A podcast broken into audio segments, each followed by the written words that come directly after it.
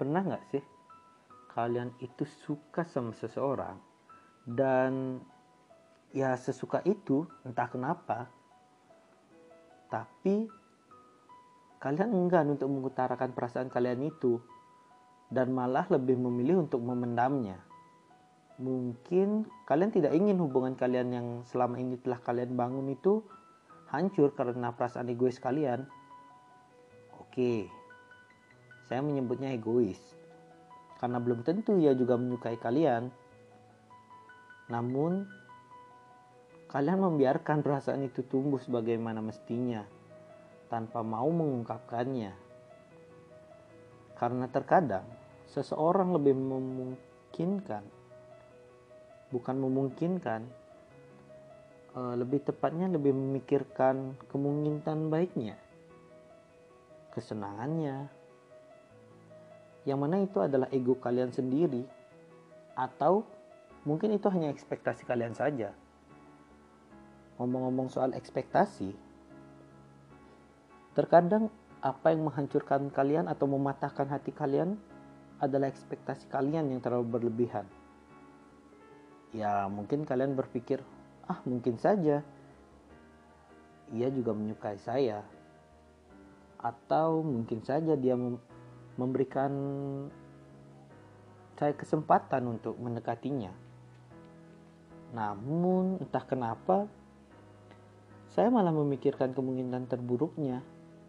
Seperti mungkin saja ia cuma ingin berteman dengan saya.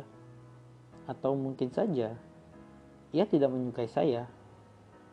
Ya sebagaimana saya menyukainya, namun hanya menyukai saya sebagai seorang teman.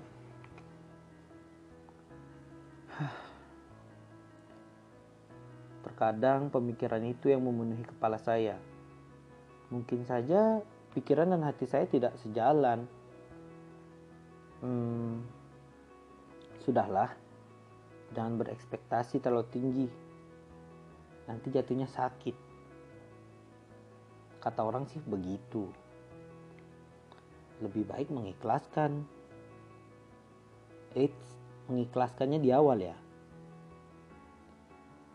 Dan jika ia juga memberikan sinyal, sebaiknya tidak terlalu bahagia. Jadi, jika ternyata ekspektasimu tak sesuai, kau tidak akan merasa terlalu kecewa Itulah sebabnya mengapa saya mengubahnya ke depan, bukan di belakang. Karena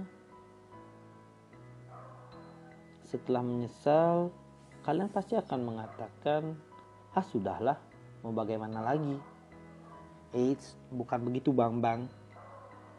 Namun sering kali rasa sakit itu dan kecewaan itu membantumu untuk lebih kuat dan lebih dewasa. Mungkin yang awalnya rapuh akan jadi semakin kuat. Jadi semestinya kalian jangan menyalahkan, namun berterima kasihlah. Berterima kasih karena sudah membantumu untuk kuat, untuk lebih dewasa. Ah sudahlah, sudah terlalu banyak yang saya sampaikan takutnya terkesan seperti Mama Dede yang selalu menceramahi. Saya cuma bercanda kok, santai.